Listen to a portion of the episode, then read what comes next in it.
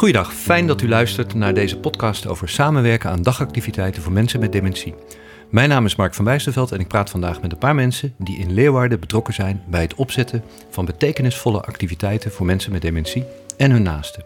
Hoe werk je daar op lokaal niveau aan samen? Deze podcast is onderdeel van een online inspiratiewijzer voor gemeenten en hun partners. Het is een productie van Alzheimer Nederland, Movisie en Zonnewee. We voeren dit gesprek in drie delen. Eerst praten we over de visie en het beleid van de gemeente. Wat wil Leeuwarden bereiken voor mensen met dementie en hun naasten? Dan gaan we in gesprek over hoe je alle mooie ideeën hierover samen met de lokale partijen omzet in een concreet aanbod. En in het laatste deel bespreken we hoe dat allemaal in de praktijk uitpakt. Wat gaat bijna als vanzelf in die samenwerking? Waar zitten nog hobbels, valkuilen? En wat kunnen andere gemeenten daarvan opsteken?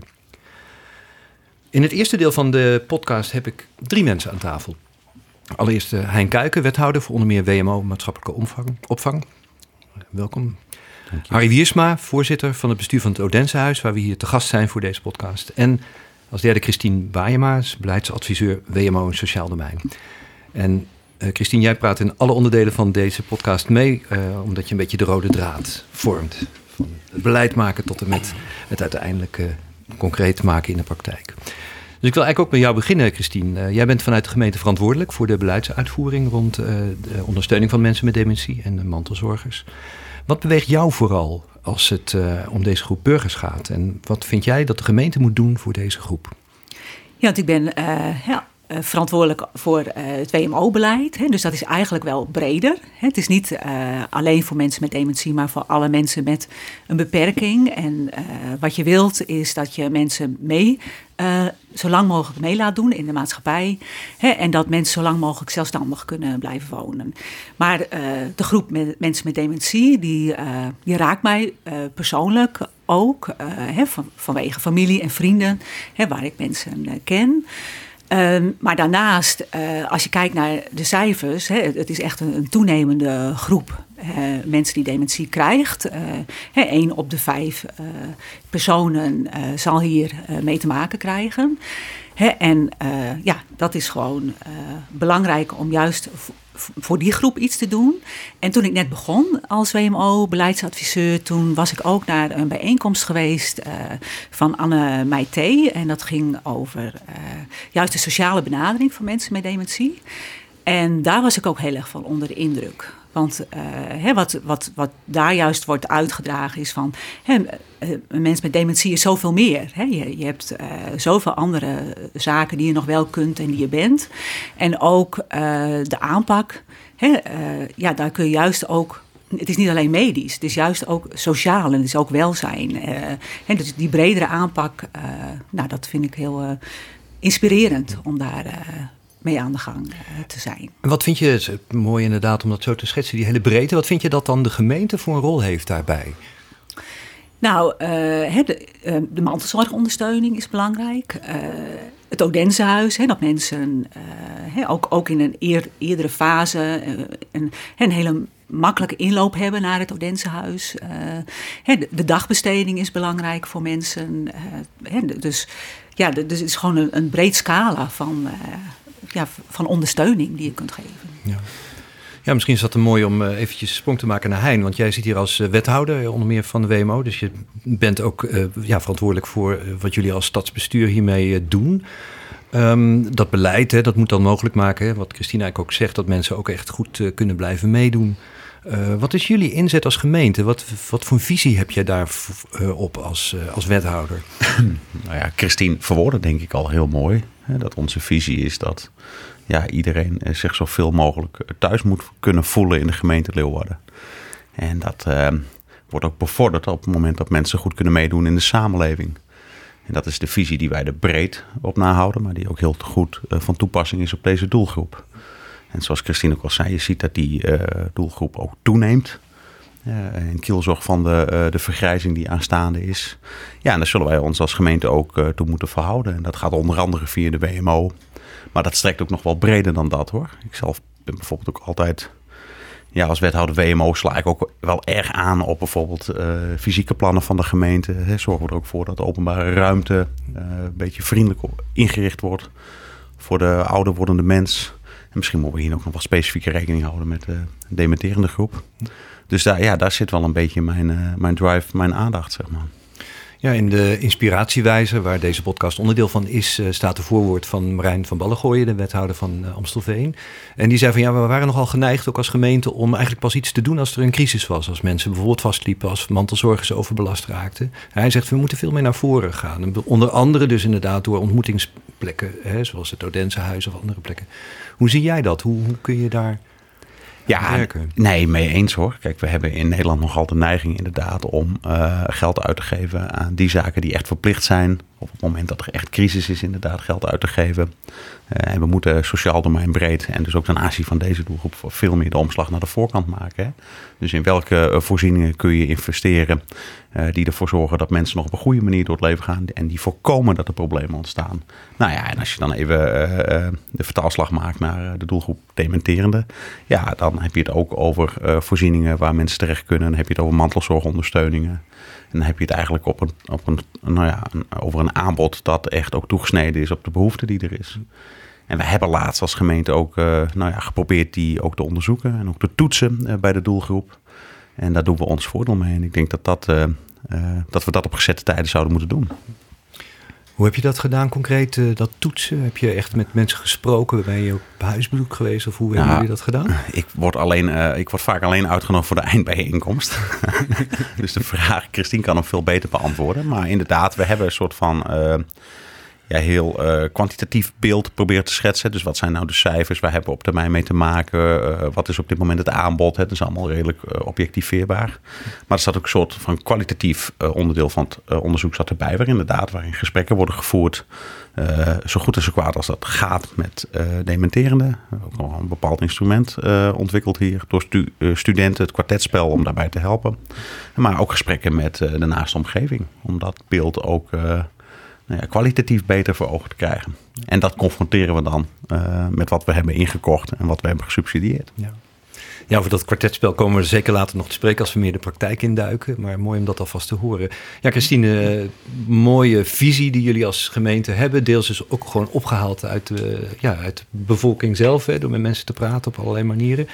Um, we willen in deze podcast ook vooral uh, het thema samenwerking wat naar voren halen. Want dit kan je natuurlijk nooit alleen als gemeente. Uh, kan je daar wat over vertellen? Wat, wat, wat voor soort van samenwerking moet je eigenlijk realiseren binnen de lokale gemeenschap om dit allemaal te kunnen doen?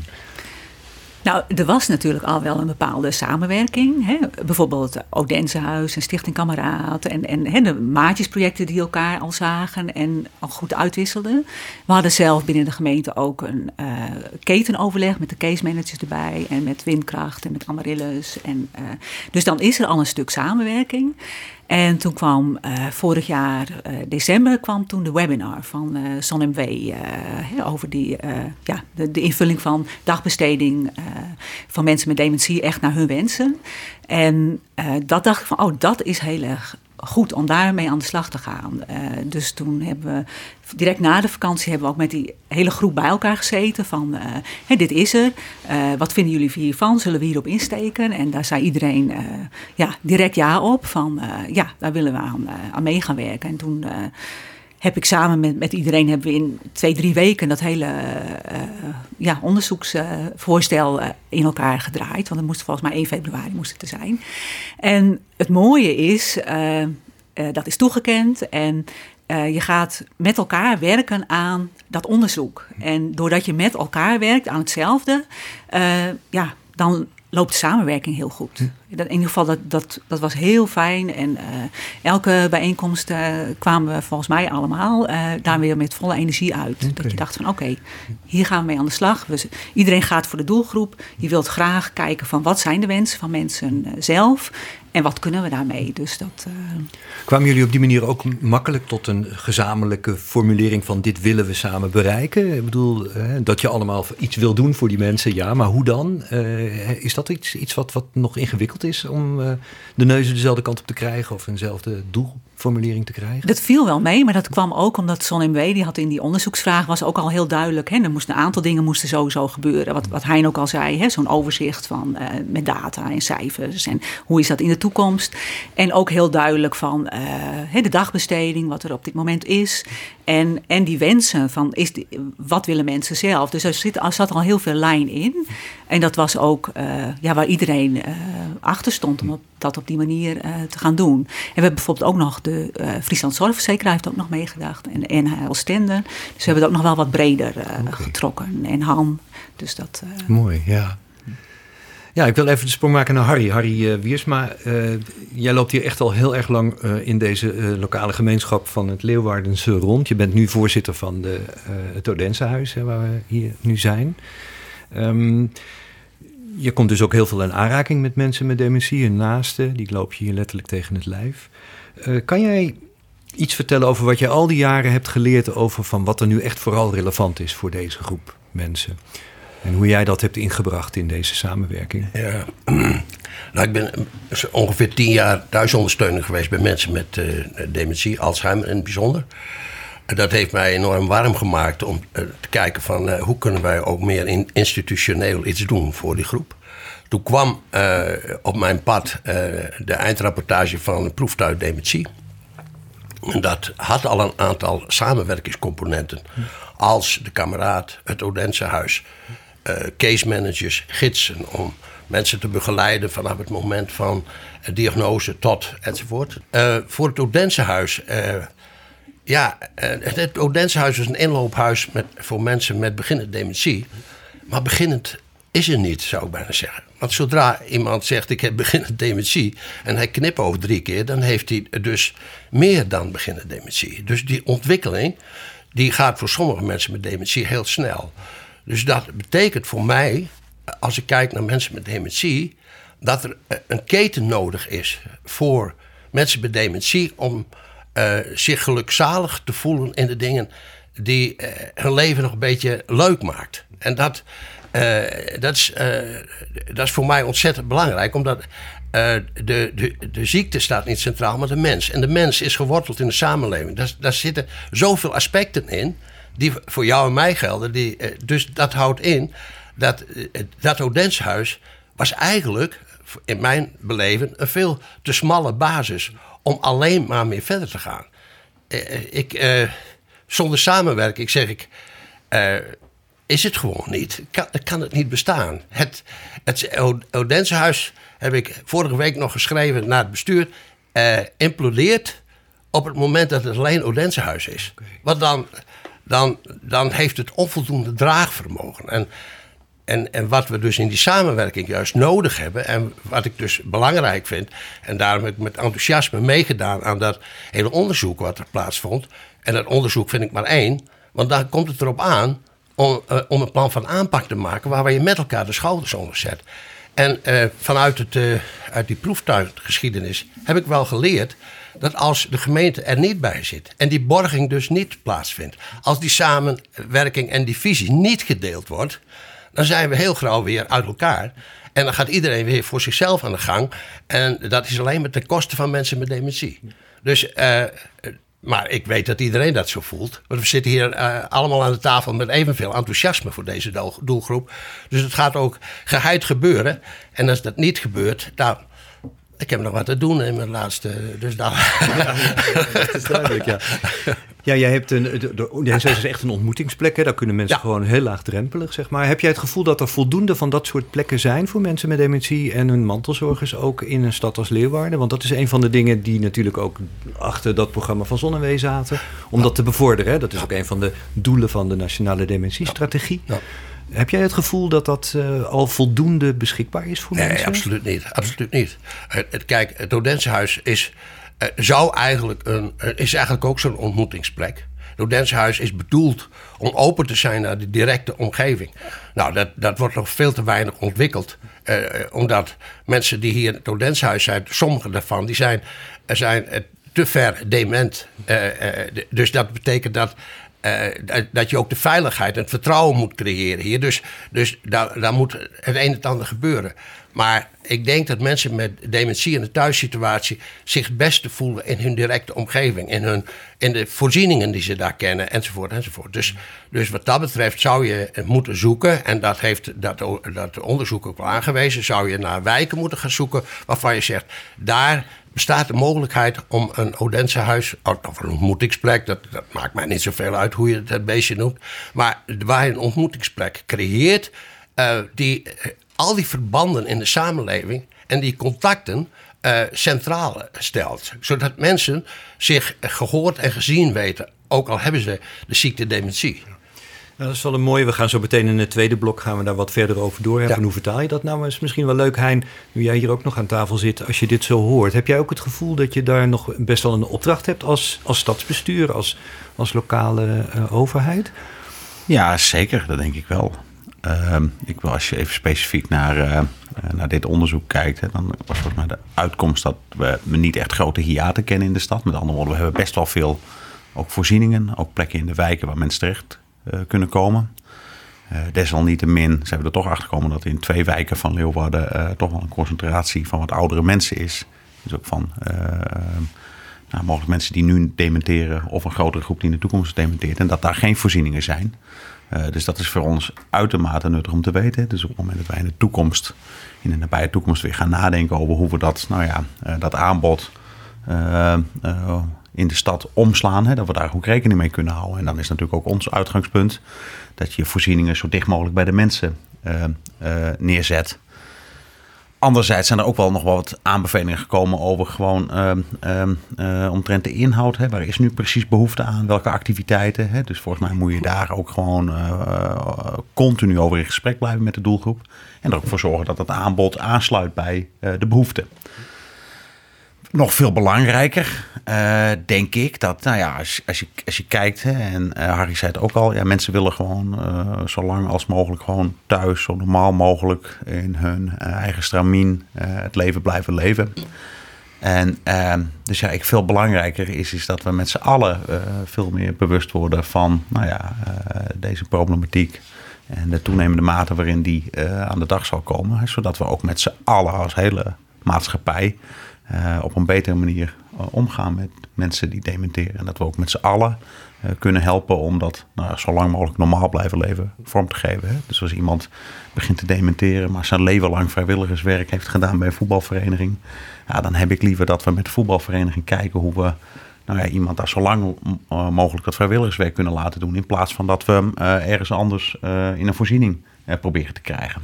Dus ik denk dat dat uh, misschien nog wel de grootste uitdaging is. Hoe, hoe, denk je dat je dat soort dingen kan doen? Uh, die samenleving zo betrekken op deze nou, manier? Deze podcast draagt daar in grote mate aan bij, hoop ik. Nee, maar we hebben ook, uh, nou ja, die onderzoeken die wij doen, we proberen dat ook breed te etaleren. Hè? Dus dat betekent ook dat we, dat we wat media-aandacht voor proberen te genereren. veel in gesprek met onze, onze partners. dus ja, het op verschillende manieren zo breed mogelijk uitdragen van waar we mee bezig zijn, maar ook van de opgave die we met z'n allen uh, te doen hebben. Nou, het lijkt mij een mooie afronding van dit eerste deel van de podcast. Uh, we gaan zo meteen, uh, Christine, ook wat verder erop door van hoe je dit dan echt concreet omzet. En ook inderdaad bijvoorbeeld de voetbalvereniging of de bibliotheek of andere partijen er ook bij betrekt. Ehm, nou, Hein, dankjewel voor je bijdrage. Jullie bedankt.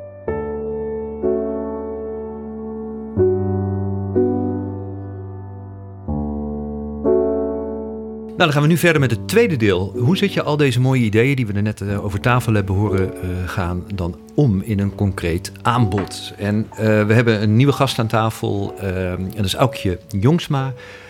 Um, en jij bent jarenlang werkzaam geweest als wijkverpleegkundige, dus je kent ook gewoon de echte concrete praktijk in de wijk. Ja, en nu ben je locatiemanager bij Aardema Zorggroep, een van de samenwerkingspartners in dit hele verhaal. Uh, en jij zit hier vooral namens Windkracht uh, 058, moet je geloof ik zeggen. Hè? Uh, en dat is een samenwerkingsverband dat verantwoordelijk is voor de aanvullende ondersteuning WMO in de gemeente. Dus dat is in feite jouw rol. En als organisatie spelen jullie dus ook een rol in het realiseren van ondersteuning van mensen eh, met dementie en hun naasten. En als je nou net wat uh, zit te luisteren naar wat hij en Christine allemaal hebben vertellen, verteld over de inzet van de gemeente, wat zie jij dan als belangrijkste uitdagingen in dat lokale beleid om dat te vertalen naar die dagelijkse praktijk? Dus waar jij dus ook voor zit. Uh, en wat is dan vooral een belang van die laagdrempelige ontmoeting daarin? Want dat is natuurlijk maar één van de vele dingen die je kan doen. Maar dat willen we ook nog even wat naar voren halen. Ja, de belangrijkste uitdaging uh, zie ik um, dat het niet bij het plan van aanpak blijft, maar dat we ook uh, daadwerkelijk de schouders eronder zetten met elkaar. En um, nou, ik geloof er ook zeker in, want we zijn een hele bevlogen, enthousiaste groep. En wat ik heel erg um, uh, belangrijk en mooi eraan vind, is de verbinding die we toch wel echt met elkaar voelen. We willen er met z'n allen voor gaan. Dus ik geloof ook dat het hier niet bij blijft, maar dat we ook doorpakken met elkaar. En er is ook een plan uit ontstaan en daar staan ook taken in voor een ieder. Mijn uh, taak daarbij is bijvoorbeeld dat ik ook uh, contact leg met de huisartsen, de POH's. Met de case managers heb ik al contact. En uh, zo kunnen we dat vertalen um, ja, naar de praktijk. Dat we ook uit kunnen leggen van wat voor aanbod hebben we, welke verschillende dagbestedingen zijn er en wat is het verschil. En um, de laagdrempeligheid, waarom is dat zo belangrijk? Nou, wat ik zie bij ons op de dagbesteding bijvoorbeeld, dat mensen toch wel eigenlijk al heel ver in het stadium van dementie zitten um, als ze bij ons komen. En dat is jammer, want dan, uh, wat je wilt voorkomen is dat de mantelzorger uh, overbelast is. En toch eigenlijk in 90% van de gevallen is de mantelzorger toch wel echt overbelast. En dan denk je van, hé, wat jammer nou, um, waren ze maar eerder uh, gekomen. Dus je wilt echt, die laagdrempeligheid is zo belangrijk.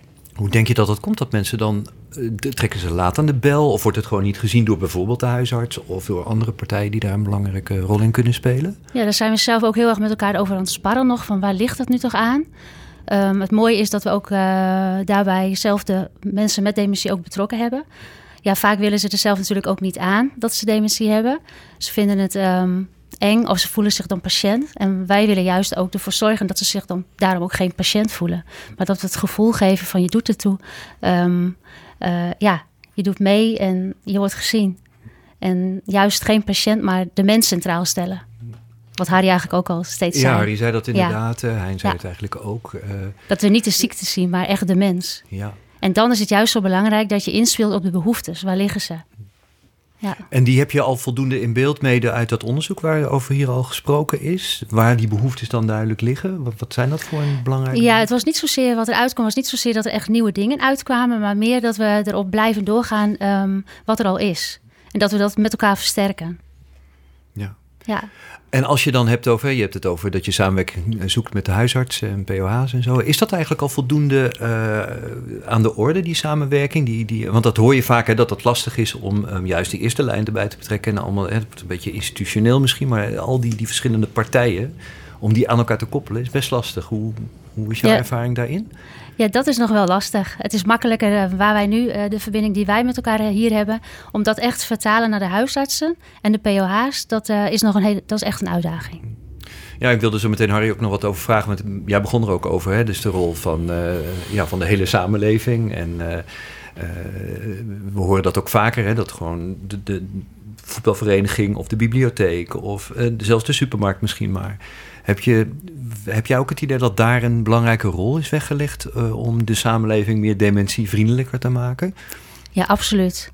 Ja, bijvoorbeeld uh, als mensen op een koor zaten en uh, daar, dat was hun passie, dat, um, hun, um, de, dat de andere mensen die ook op het koor zitten weten van hé, hey, we hebben hier te maken met iemand met dementie.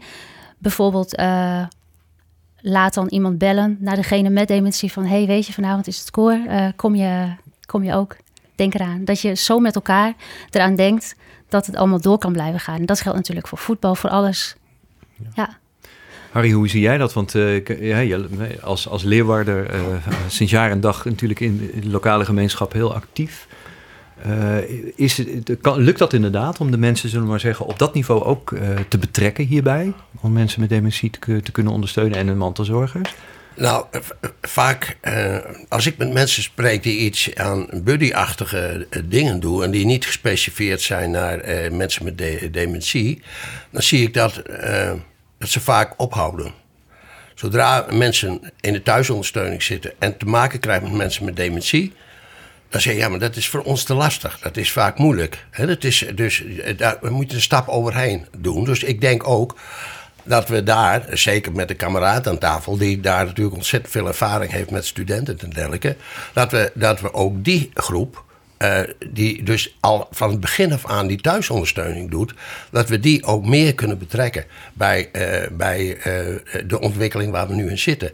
Aan de andere kant geloof ik dat er zoveel culturele maatschappelijke instellingen zijn. En ik weet niet of de gemeente dat kan, maar ik zou me kunnen voorstellen dat je, als je de harmonie, Stad Schouwburg de harmonie financiert, dat je tegelijk ook zegt: van, hebben jullie ook een programma voor mensen met beginnende dementie? Zouden jullie ook iets daarvoor kunnen doen?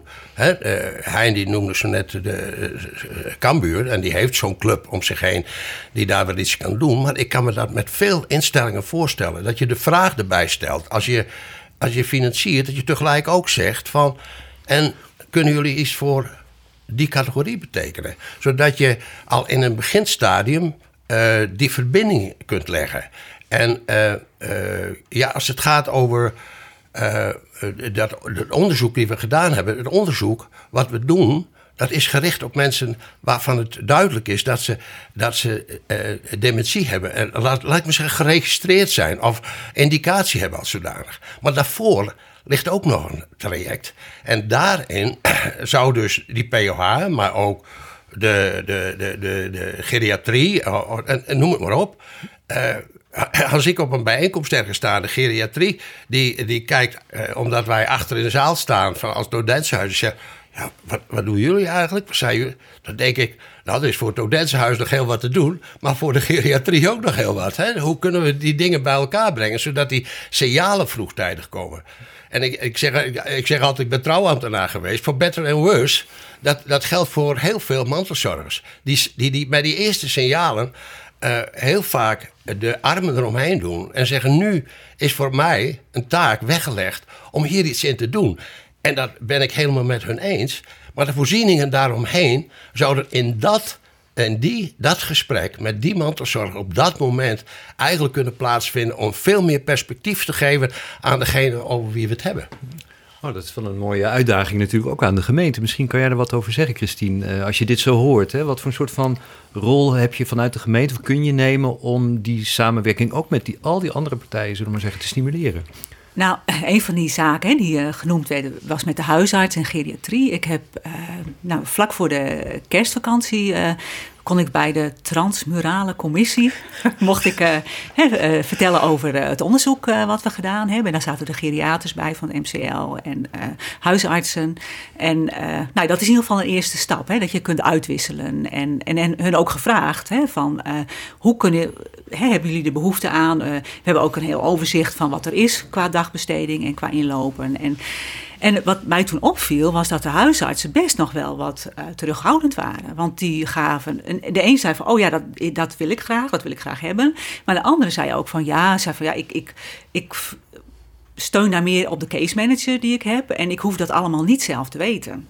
Dus dat was voor mij ook weer nieuwe informatie. En daar moeten we denk ik als groep ook nog weer uh, met elkaar over hebben. Van, uh, hè, het is goed om die uh, contacten goed te hebben. Maar daar zit dus ook weer verschil in. In wat, wat bijvoorbeeld een huisarts zegt van... ja, dat wil ik wel of dat, dat wil ik niet.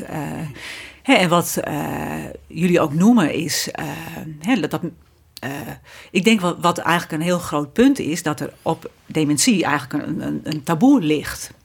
En dat zou nog, is nog het belangrijkste om dat aan te pakken. En dat het gewoon meer normaal wordt. Want ik denk, je hebt zo lang die niet-pluisfase. Uh, ook omdat iemand denkt van, oh, als ik nu, stel het is dementie. Nou, dan is je eerste gedachte, misschien, misschien is mijn leven al wel bijna voorbij. En dat is niet waar. Uh, je kunt nog een hele tijd, en dat is natuurlijk verschillend, bij de een gaat sneller dan bij de ander, maar je kunt ook een hele tijd nog gewoon je dingen blijven doen. En met uh, nou, steun van je omgeving kan dat gewoon.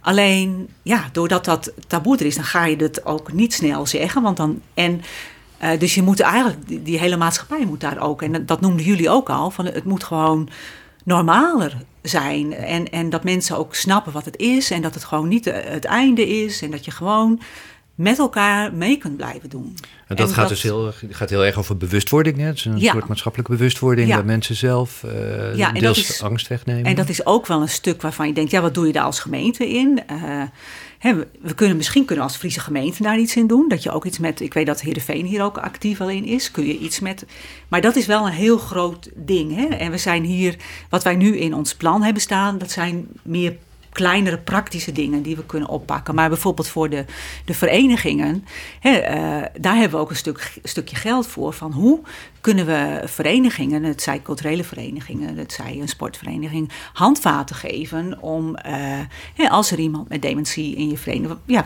hoe kun je die steunen en hoe wat, wat kun je daarmee? Want wat kunnen ze dan met dat geld doen? Eh, wat nou ja, je, kun, je zou bijvoorbeeld, uh, en daar gaan we ook, hè, we hebben ook een aparte groep daarvoor die dat, dat gaat uitdenken. Maar je, je kunt in ieder geval voorstellen aan uh, sportverenigingen of, of, of, culturele verenigingen uh, een cursus daarvoor geven. door bijvoorbeeld de Alzheimer Stichting.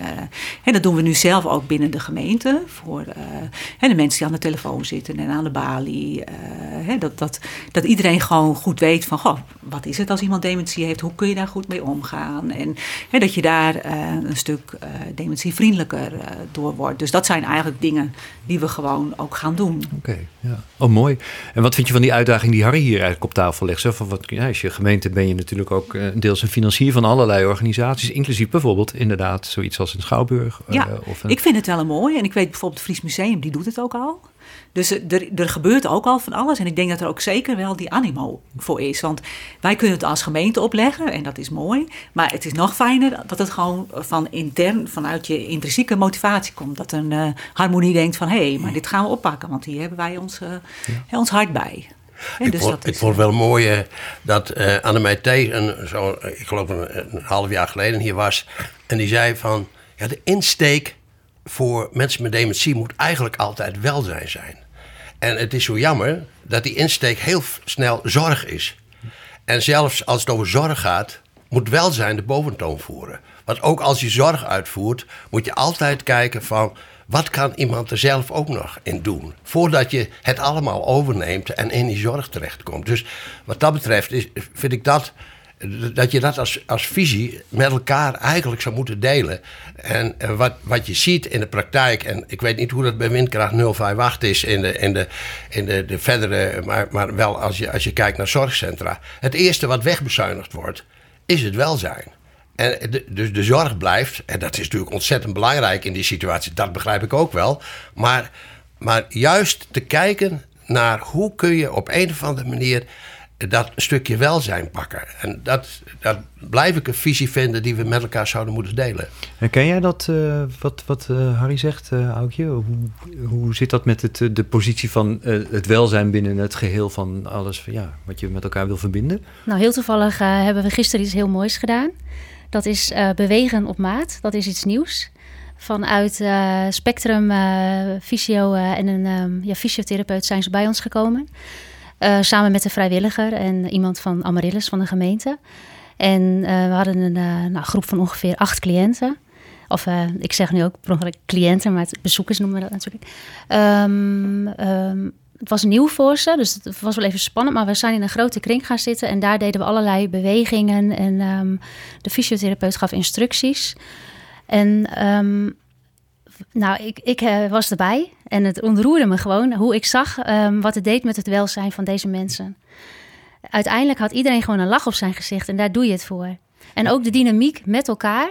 En um, het was zowel op cognitief gebied werden ze geprikkeld, maar ook natuurlijk een mentaal, hè, lichamelijk gebied. En iedereen deed mee. En, en dan waren mensen die uh, op een van jullie centra of zo? Of, ja, uh, klopt, ja, op de dagbesteding. Okay. Ja, op de dagbesteding was dat. Ja. ja. Mensen met dementie, maar ook wel met andere problemen, hm. problematiek. Okay, nou, en als je dan ziet wat dat doet.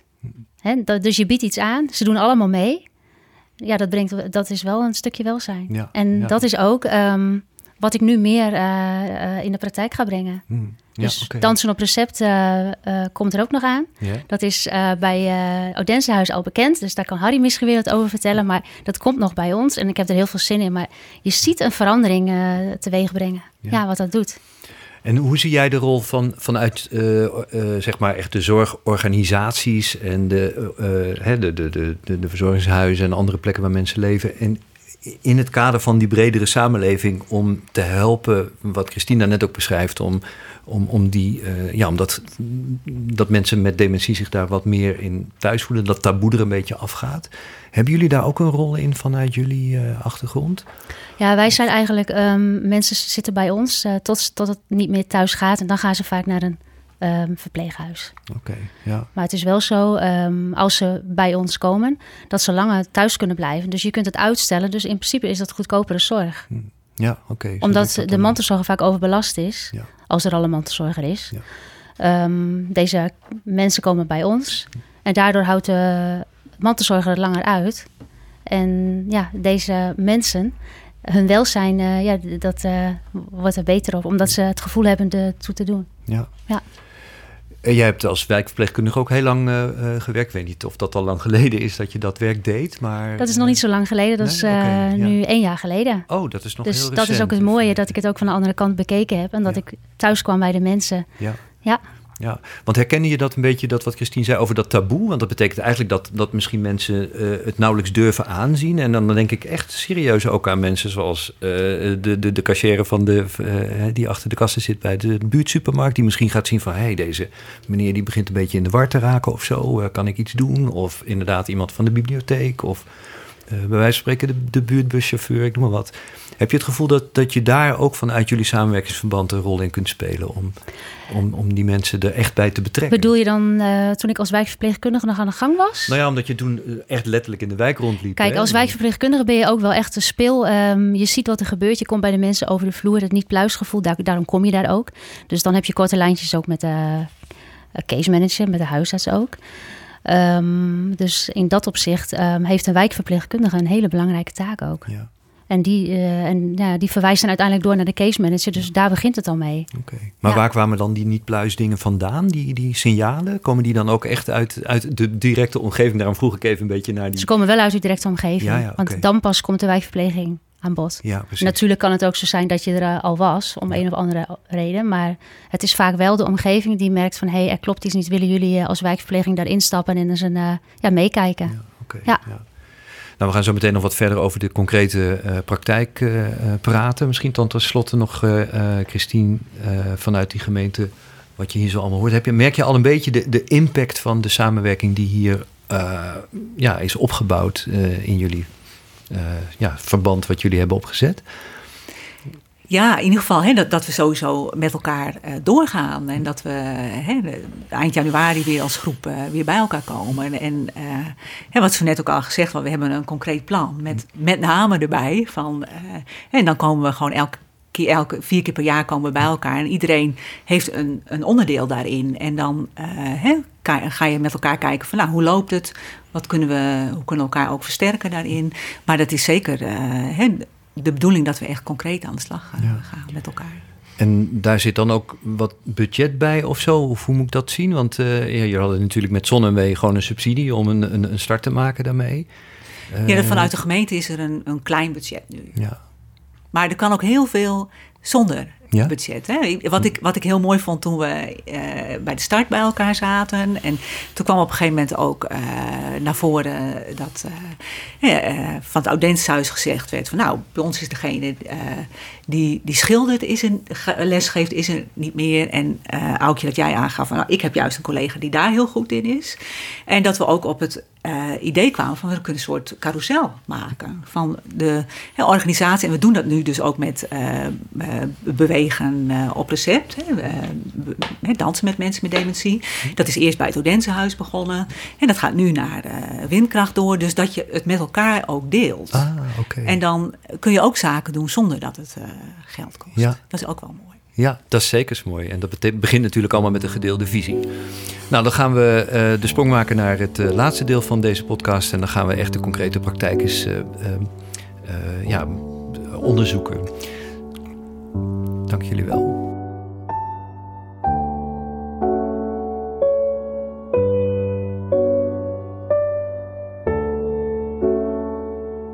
In het eh, laatste deel van, het, eh, van deze podcast gaan we eh, in gesprek over hoe die samenwerking nou in de praktijk uitpakt. We hebben er natuurlijk al best wel veel over gesproken, maar we gaan het nog wat concreter maken. En daarvoor is ook aan tafel nu Nienke Bodde aangeschoven. Eh, jij zit hier namens Stichting Kameraad. En dat is een initiatief dat samen met mensen met dementie en hun naasten het leven een beetje leuker en gemakkelijker wil maken. Zo staat het heel mooi op jullie site. En ik denk dat dat heel mooi aansluit wat Harry daarnet zei. Het gaat er ook echt om dat mensen vooral ook heel veel plezier hebben. Um, nou, jullie zitten midden in die concrete praktijk hè, waar we nu over gaan hebben. Uh, uh, voor thuiswonende mensen met dementie zetten jullie ook heel duidelijk in. Uh, en dat doe je onder meer met een, een kwartetspel, wat is gefinancierd ook door de Zonnewee. Daarmee gaan jullie echt in gesprek met mensen. Um, kun je daar misschien wat over vertellen? Hoe, we kunnen het helaas niet laten zien. Het is een podcast. Je hebt ze hier voor je liggen. Maar misschien kun je er gewoon wat over vertellen hoe je dat dan doet. En wat er dan ook vooral uit naar voren komt uit die gesprekken. Ja, ja voor ZonMW werd ons gevraagd om een instrument te ontwikkelen. Uh, voor het onderzoek, voor het ophalen van de gegevens. Um, nou, toen hebben we gedacht aan een leuke manier dat je niet met vragenlijsten tegenover mensen gaat zitten, maar hoe je het op een laagdrempelige manier kan doen. Uh, mensen die hebben al natuurlijk zoveel dingen die ze moeten doen, mantelzorgers en mensen met dementie. Dus we wouden het uh, laagdrempelig maken. Uh, toen hebben we een kwartetspel bedacht. Daar hebben we zes thema's voor. Ehm, dat zijn en thema's om mensen te leren kennen. Dus hoe ziet uw familie eruit? Er staan vragen op, zoals heeft u kinderen? Bent u getrouwd? Nou, et cetera. Ook over vroeger, hun jeugd, hoe zag dat eruit? En ook hun interesses. Dus dan begin je al met de hobby's. Dus wat vindt iemand leuk om te doen? Maar dagelijks leven zit er bijvoorbeeld ook tussen. Wat kan u nu wel of wat wil nu niet, wat vroeger wel kon? Of um, waar heeft u ondersteuning bij nodig? Nou, en door die vragen met elkaar te stellen, kom je ook achter dingen op een hele makkelijke manier. Dus dan maak je het ook geen zwaar gesprek dat je met elkaar gaat kijken wat lukt nou niet meer. Maar dat je het ook allemaal een beetje positief probeert te benaderen. En um, nou, door uh, het spel te spelen met mensen met dementie, um, zijn we achter hele leuke dingen gekomen. Uh, wij hebben dit bij onze eigen deelnemers um, getest die in Leeuwarden wonen. We merkten ook dat het gewoon een leuke manier was om elkaar nog beter te leren kennen door zulke vragen te stellen. Dus het heeft niet per se alleen maar opgehaald. Uh, zijn de activiteiten die de studenten als maatjes nu ondernemen de deelnemers al goed. Hè, zit er nog meer in. Maar ook van, goh, wat wist ik eigenlijk nog niet over u. Maar ook dat een student zo'n vraag beantwoordt. En dat dan de oudere student ook nog wat beter leert kennen. Dus dat is een hele leuke uh, wisselwerking. Um, dus dat is er vooruit voorgekomen. Wat Aukje ook al eerder zei, wat we doen is al goed. En, uh, maar hoe kunnen we het nog breder trekken? En wij gebruiken dit nu ook bij onze nieuwe deelnemers. Eigenlijk al heel vlot, zodat je ook al meteen wat van elkaar weet. Omdat het ook bij ons in ieder geval heel erg één op één is. En je gaat een goede, we willen een goede band met elkaar aangaan. Uh, dus daar gebruiken we het nu voor en dat loopt eigenlijk best wel goed. Ja, jij had even naar voren dat jullie werken met studenten. Hoe ja. gaat dat heel concreet? Uh, studenten die koppel je aan mensen met dementie ja. of sowieso aan mensen die een bepaalde behoefte hebben? Wij zijn er echt voor mensen met dementie. Dat is wel, uh, nou ja, een eis is een beetje hard, maar hè, we, we, daar werken we echt naartoe. Ik krijg studenten van de opleiding social worker van NHL Stenden. Die lopen stage bij ons. wij leiden ze altijd op. Hoe ga je om met mensen met dementie? Wat kun je tegenkomen? Um, we kijken ook wat weten ze al wel en wat, uh, nou, hè, hoe, hoe staan ze erin. Um, dan kijk ik naar de behoefte of wat een student leuk vindt om te doen. Dus wat is dienstbehoefte in het dagelijks leven? Is iemand heel sportief of is iemand juist heel creatief bijvoorbeeld? En dan kijk ik naar de deelnemers die aangemeld zijn bij ons. En als daar een man tussen zit die bijvoorbeeld uh, 50 kilometer wil fietsen, maar niet meer alleen kan, nou, dan gaat daar natuurlijk een student naartoe die ook van fietsen houdt en heel sportief is. En zo um, maak ik allemaal koppels eigenlijk. En uh, de studenten die blijven daar al gemiddeld een jaar. Soms gaan ze als vrijwilliger door omdat ze het zo leuk hebben met iemand. En dan uh, nou, blijft die relatie een beetje stand houden. En dat doen we echt tot opname. En als iemand dan opgenomen wordt, dan maakt die student als het ware zijn stage daar af. Dus dat verschilt een beetje. En dan uh, gaan we door naar de volgende. Want we zijn er wel echt voor thuiswonende mensen met dementie, omdat daar de nood ook wel uh, heel hoog ligt. Ja. Hier gaat het dus heel concreet om activiteiten die mensen dan kunnen doen. In, en dan onder begeleiding, zullen we maar zeggen, van een student. Mm -hmm. Uh, wat heb jij, hebben jullie ontdekt over hoe belangrijk die concrete activiteiten eigenlijk zijn voor mensen met dementie? En misschien ook wel voor hun mantelzorgers? Um, nou ja, het ontlast sowieso dus de mantelzorger, want je uh, neemt degene met dementie mee. En mensen met dementie, die, hebben dan nog, die zien ook vaak nog in wat ze nog wel kunnen. En vaak is iemand het idee van, oh, kan niet meer fietsen met mijn partner, dan kan ik vast helemaal niet meer fietsen. Maar dat is niet zo.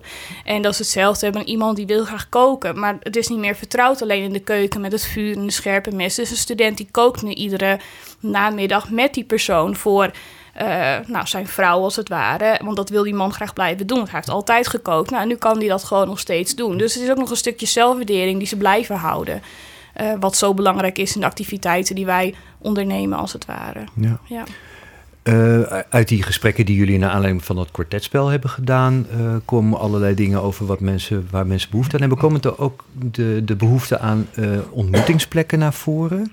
Want dat is, blijkt een beetje ook uit onderzoek landelijk, hè, dat mensen dat vaak gewoon niet eens goed weten dat die er zijn. Nee. Heb je daar, kun je daar iets over zeggen? Ja, nou, er komt inderdaad wel naar voren dat ontmoetingsplekken wel een gewild iets is, maar dat de drempel vaak nog te hoog is. Dat Aukje en Harry hebben dat ook al eerder benoemd. Hè, dat mensen het heel moeilijk vinden om um, naar zo'n ontmoetingsplek te gaan. Misschien omdat het woord dagbesteding heel zwaar ligt bij mensen. Um, dus waar we nu ook met een groepje fanatiek mee aan de slag zijn... is het realiseren van nog meer ontmoetingsplekken hier in Leeuwarden. Daar hebben we Alzheimer, Nederland ook al voor uitgenodigd. En uh, zijn we ook al mee om tafel geweest. En uh, nou, de activiteiten die je daar gaat aanbieden... daar waren we ook wel redelijk over eens. Dat gaan we ook niet in iets vastgieten, zeg maar. We gaan ook daar kijken. Wat vindt iemand belangrijk om te doen en leuk om te doen... en hoe kunnen we dat dan aanbieden, zeg maar. Dus dat dat uh, is al een stap die we aan het nemen zijn. Oh, met z'n allen. Ja. ja. Met z'n allen, ja. ja. Ook uh, herken je dat een beetje, wat Nienke hier zo vertelt over waar mensen behoefte aan hebben, wat je kunt doen uh, als ze nog thuis wonen? ja, ik herken het helemaal wat Nienke zegt. En daar hebben we het natuurlijk ook veel vaker over gehad. Um, misschien kan ik nog wel iets vertellen over de praktijk. Ja, zeker. Um, wat ook uit uh, in de projectgroep naar voren gekomen is, uh, of daar is eigenlijk weer een, uh, ja, een nieuw groepje uit ontstaan. En we zitten dan nou, geregeld samen. Um, daar zit dan een case manager bij, Nienke zit erbij van Kameraad, Harry, voorzitter van het Odensehuis. En dan zit Tim er nog bij, begeleider van het Odensehuis en ikzelf. Um, vergeet ik nou iemand? Gerben van Amaryllis. Gerben van Amaryllis. Ja, dus best wel een hele grote groep. Um, nou, wat uh, daarin naar voren kwam was... Uh, eigenlijk heeft Christine het ook al wel wat verteld. Carousel uh, van bijvoorbeeld... Um, er was hier iemand op het Odensehuis die heel goed kon schilderen. Um, die is weggegaan. En um, ja, dan valt er eigenlijk een soort van gat. En toen zei ik van, nou, bij ons uh, op de dagbesteding uh, heb ik een, een, medewerker. Die heeft een passie voor schilderen en die zou het heel graag willen. Dus we hebben uh, een soort van atelier daarvoor gemaakt. Dus het is mogelijk dat de mensen die het leuk vinden om te schilderen bij ons, ons kunnen komen. Of het kan ook zo zijn, als dat moeilijk gaat, dat de medewerker van ons hier naartoe gaat. En dan wisselen we gewoon een poppetje uit en dan komt er iemand naar ons toe. En zo proberen we elkaar te vinden. En wij zitten hier in een hele mooie muziekruimte. Dus het kan ook zo zijn dat, uh, dat hier een muziekmiddag aangeboden wordt en dat mensen van onze dagbesteding hier naartoe gebracht worden. En, zo willen we gaan samenwerken. Ja, dat zijn, dat zijn echt wel uh, uh, zeg maar opbrengsten van de manier waarop jullie zijn gaan samenwerken, als ik Absoluut. het goed begrijp. Ja. ja. en dat is echt de verbinding die we met elkaar voelen en uh, hebben. En we zien elkaar ook niet als concurrent, maar we werken gewoon samen. We willen het beste, allemaal voor de mensen met dementie. Nou, Christine, daar kan jij toch alleen maar uh, blij om zijn, kan ik me voorstellen, vanuit de gemeente. Uh, hè, jullie faciliteren dus ook dit soort dingen door gewoon ja, dat hè, vanuit de gemeente zeg maar, op te, te roepen. Maar dat gebeurt dus deels ook gewoon vanzelf, als ik het goed begrijp. Als het eenmaal draait, dan gaan dit soort dingen elkaar uh, helpen, zullen we maar zeggen, toch? Ja, nee, daar ben ik het helemaal mee eens. Ja, en dat komt dat, ja, doordat iedereen, hè, wat we ook als net al heel bevlogen is met de doelgroep. Hm. En uh, ja, gezamenlijk, dat heb je als intrinsieke motivatie. Hè, daar, daar wil je voor gaan. Dus uh, dan uh, is dat gewoon belangrijk. En dan zijn de verschillende organisaties wat minder belangrijk. Ja, en dan heb je natuurlijk, hè, we hebben het al eerder over gehad, natuurlijk die subsidie gehad, waarbij natuurlijk een, een mooie start gemaakt is. Maar ik hoor ook wel verhalen uh, dat het soms ook wel lastig is om het zeg maar voor te zetten. Hè. Het, uh, dus het borgen, om het maar even een beetje in een beleidsjargon te, te zeggen, is ook niet zo vanzelfsprekend. Jij zei al eerder dat je het ook deels kunt doen vanuit bestaande budgetten. Um, en tegelijkertijd hoor je dus inderdaad ook wel van, ja, hè, misschien is dat een van de redenen waarom huisartsen misschien uh, uh, lastig aanhaken, omdat die al zoveel moeten. Hè. Dus ik wil helemaal niet de huisartsen uh, naar beneden praten, daar gaat het helemaal niet om. Het is wel een gegeven. Hè, dat ze van, ja, we moeten ook over die en dit en dat. We hebben daar geen tijd. En tijd is natuurlijk eigenlijk geld voor. Hoe kunnen we dat soort dingen oplossen? Dat is natuurlijk een van de hobbels die er toch ook wel zitten in de verdere uitwerking van de samenwerking. Ja, dat, dat is inderdaad wel een punt van uh, hoe je huisartsen er goed bij uh, gaat betrekken. Uh, en we zijn in ieder geval wel bezig, maar dat is even wat, wat op een ander vlak. Dat we juist de, de relatie tussen de huisarts en Amaryllis en, en welzijn. Hè, welzijn op recept noem je dat. Als een huis dat zegt van, goh, nou hier is eigenlijk ook een stuk welzijn nodig. En hier kan ik eigenlijk minder in doen. Dat je eigenlijk direct een soort doorverwijzing doet naar de wijk, wijkteams of naar de welzijnsorganisatie. Dus dat is in ontwikkeling. En daar, heb je, daar vind je elkaar in ieder geval wel meer in. Dat is één stukje, maar uh, we moeten ook, denk ik, goed laten zien wat er is. En, en, en uh, vanuit het enthousiasme toch huisartsen er meer en de geriaters er meer bij betrekken. En ik merkte toen in dat gesprek wel dat die geriaters ook wel. Uh, nou, heel geïnteresseerd waren in wat we deden. En, en dat, dat vergt ook tijd, denk ik. En, en investering van ons. maar het is in ieder geval fijn dat we een basis hebben en dat we als groep bij elkaar komen en daar onze concrete uh, acties oppakken. dat is in ieder geval de basis en daarvan uit kun je dan weer verder bouwen. Uh, Hier is natuurlijk ook een rol voor de zorgverzekeraar weggelegd, die onder andere natuurlijk huisartsenzorg uh, financiert en allerlei andere dingen die met zorg te maken hebben. Hebben jullie daar een goede samenwerkingsrelatie ook mee met vanuit de gemeente met de zorgverzekeraar? Ja, ja, dat komt omdat we ook, uh, we hebben een Friese samenwerkingsagenda. Is, die is tussen de zorgverzekeraar en de Friese gemeenten. En nou, ik zit ook in die kerngroep daarvan. En we hebben op zich een hele goede samenwerking. En, uh, ja, en je merkt dat je op zoveel onderdelen heb je elkaar nodig en moet je gewoon uh, met elkaar zaken oppakken. Uh, maar dat is wel een hele grote, hè, want dat is gewoon ook, ook zoveel thema's. En, maar ouderen is daar één van. En juist met mensen met dementie zijn we juist gezamenlijk ook mee bezig. Oké, okay. dus, nou, mooi. ja. ja.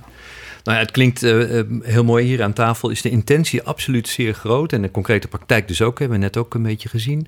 Uh, toch misschien om, om, om, om dat nog een beetje uit te diepen en te onderzoeken. De, het, het zal vast niet allemaal even eenvoudig zijn. We raken al aan een paar dingen. Wat zijn nog de belangrijkste valkuilen of hobbels waar je mee te maken krijgt als je dit soort samenwerking opzet? Misschien kunnen jullie daar alle drie even kort wat op zeggen, wat jullie in jullie concrete praktijk tegenkomen. Misschien, Nienke, misschien jij als eerste.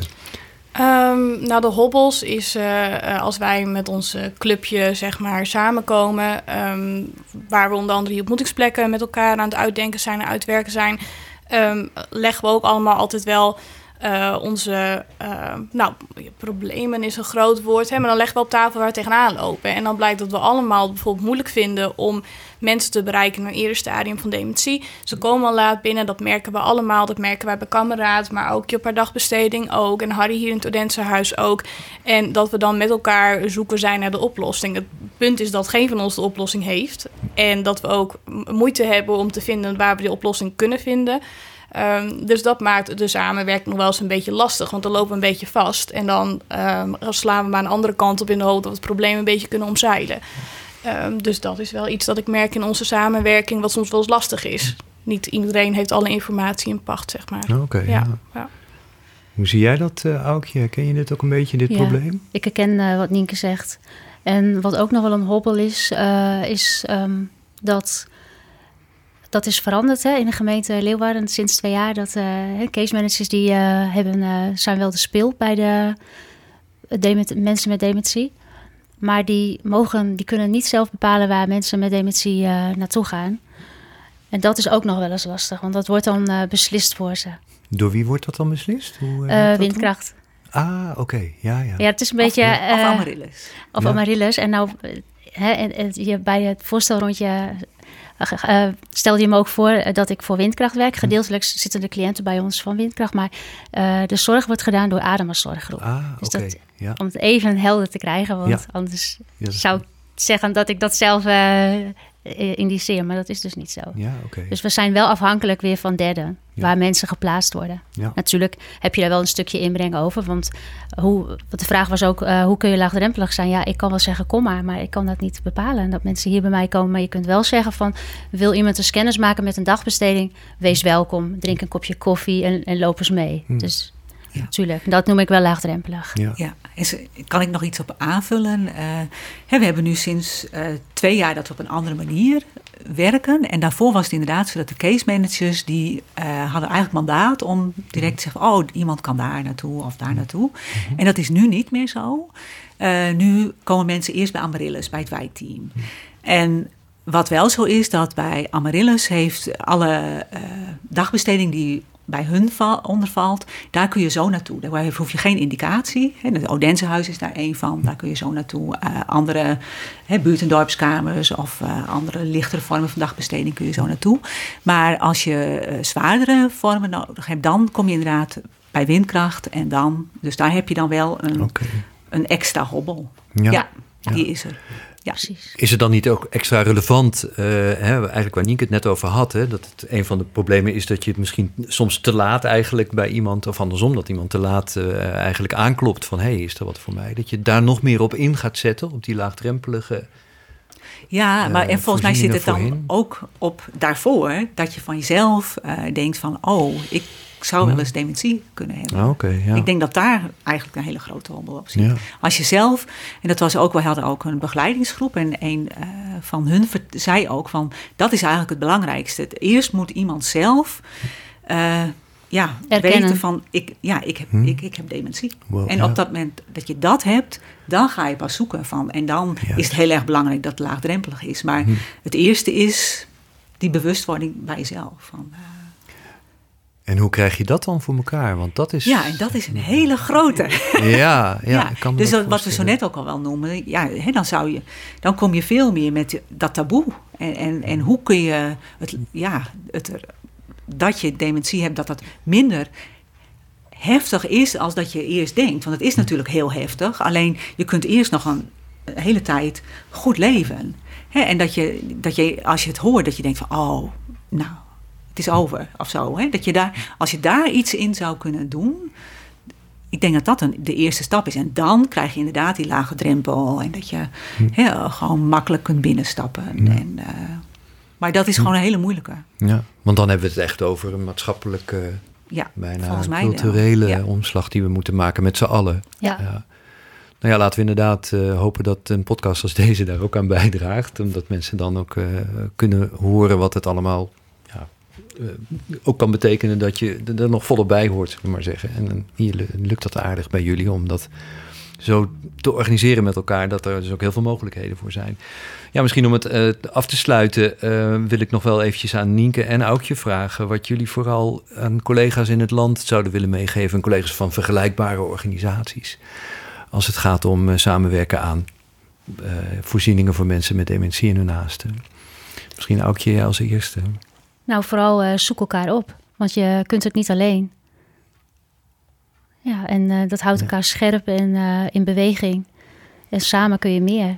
Ja, Dat is eigenlijk wat ik mee wil geven. Kijk eh, om je heen. Wie, welke instanties zijn er? En ja, wat ik zelf doe is gewoon een belletje. En zeggen van, ik, wil, ik ben eh Aukje en ik wil graag even langskomen. Ik wil graag even sparren. Hoe doen jullie dit? En eh, kunnen we misschien eh, samen de schouders eronder zetten? En ik moet zeggen dat eh, als je... Ja, en ik ben ook enthousiast. Dus ehm, dat werkt. En mensen staan er open voor. En samen kun je meer. En zo, eh, zo kom je er wel, denk ik, samen. ja. Nienke?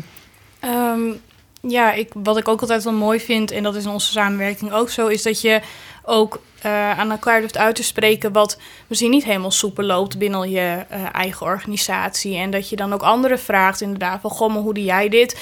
Maar, ehm, en inderdaad, we willen geen dingen van elkaar kapen, we willen geen deelnemers van elkaar weghalen en meenemen naar je eigen. En ook niet om gelden of zo. Ehm, laatst zou het Odense-huis bijna een dag dicht moeten, omdat we hier een bijeenkomst hadden georganiseerd voor het onderzoek. Nou, in plaats van dat de, de deelnemers van het Odense-huis dan thuis moeten blijven, hebben wij van kameraad gezegd van nou, dan worden wij wel een dag een Odense-huis en dan organiseren wij wel een leuke dag voor de deelnemers van het Odense-huis. Nou, al mijn studenten hartstikke enthousiast en de deelnemers van het Odense-huis vonden het hartstikke leuk. We zijn een dag naar de kinderboerderij geweest met elkaar en eh, nou, zulke dingen gewoon. En eh, dat je dat ook met elkaar kan doen en zonder ook dat je van elkaar er iets voor vraagt, zeg maar. Want eh, het Odenshuis dat springt er ook gelijk in mee. En die helpen ook mee met organiseren. Die regelen dan het vervoer. Nou ja, dat soort dingen. Dat is gewoon zo mooi aan zo'n samenwerking eh, met elkaar. Dus ook als je elkaar erin weet te vinden en dezelfde doelen hebt. En, eh, maar ook gewoon elkaar durft te helpen en het ook aan elkaar durft te vertellen. Dan krijg je hele mooie eh, dingen die daaruit voort kunnen komen. Nou, prachtig. Een mooie uitdaging, denk ik, aan de mensen in het land. Zeker. Om het gewoon te durven dus. En Ja. eh, elkaar inderdaad ook gewoon te vragen. Zoals Aukje het ook net zegt. Bel gewoon iemand op. Ja. En uh, ja, mooi. Ja, Nienke, dan uh, wil ik eigenlijk, of Nienke, sorry, Christine, dan wil ik eigenlijk aan jou als laatste nog een vragen. Deze podcast is vooral bedoeld voor mensen van gemeenten, maar natuurlijk ook alle mensen die partners van gemeenten zijn. Maar misschien kun jij toch je vooral nog ja, als laatste een oproep aan jouw collega's, beleidsmedewerkers, mensen in de lokale politiek. Wat kun je als gemeente vooral doen? Wat zou je vooral morgen moeten gaan oppakken? Wat zou je vooral morgen... Nou, dat vind ik wel een hele grote. Dat is een grote, dat weet ik, ja. Ja, ik denk dat je eh, vooral met elkaar moet gaan. Hè? Wat, wat we, zoals we het ook hier laten zien. Gewoon, je moet met elkaar uh, aan de slag gaan. Uh, je moet gaan kijken om je, of je eigen organisatie ook dementievriendelijk kan maken. En ik denk dat het, wat wij bijvoorbeeld met het Zon- en W-onderzoek uh, konden doen, dat is de aanleiding om met elkaar te gaan zitten en samen te werken aan iets. En dat werkt heel erg goed. Dus ik zou vooral ook een oproep doen om ga uh, gezamenlijk, hè, als er nu vast, misschien komt wel weer een nieuwe Zon- en W-aanvraag, ga daar gewoon, ga dat aanvragen en ga dan met elkaar gezamenlijk iets creëren. Want dan leer je elkaar te vertrouwen. Uh, en je, je, ja, je werkt ergens naartoe. En ik denk dat dat een hele, hele goede is. Ja. Je doet eigenlijk een oproep aan, aan alle partijen die daar een rol in spelen. En niet eens per se aan de gemeente zelf, als ik jou goed begrijp, toch? Nee, dat klopt. Ja. ja. want als gemeente uh, hè, ben je ook maar één klein stukje. Ik bedoel, uh, we, zijn we moeten het met z'n allen doen, juist. Dus, ja. Nou, dat lijkt me een prachtige afsluiting. Ehm, dan zijn we aan het einde gekomen van de, ons gesprek. Eh, deze podcast van Zon en Wee ging over het thema samenwerking aan betekenisvolle dagactiviteiten voor mensen met dementie en hun naasten. Kijk voor meer ervaringen, tips en handige hulpmiddelen in de inspiratiewijzer op www.zonnenw.nl-dementie. De inspiratiewijzer is een gezamenlijke productie van Alzheimer Nederland, Movisie en Zonnewee. Ik ben Mark van Bijsterveld. Techniek was in handen van Jonne Seriese. Bedankt voor het luisteren.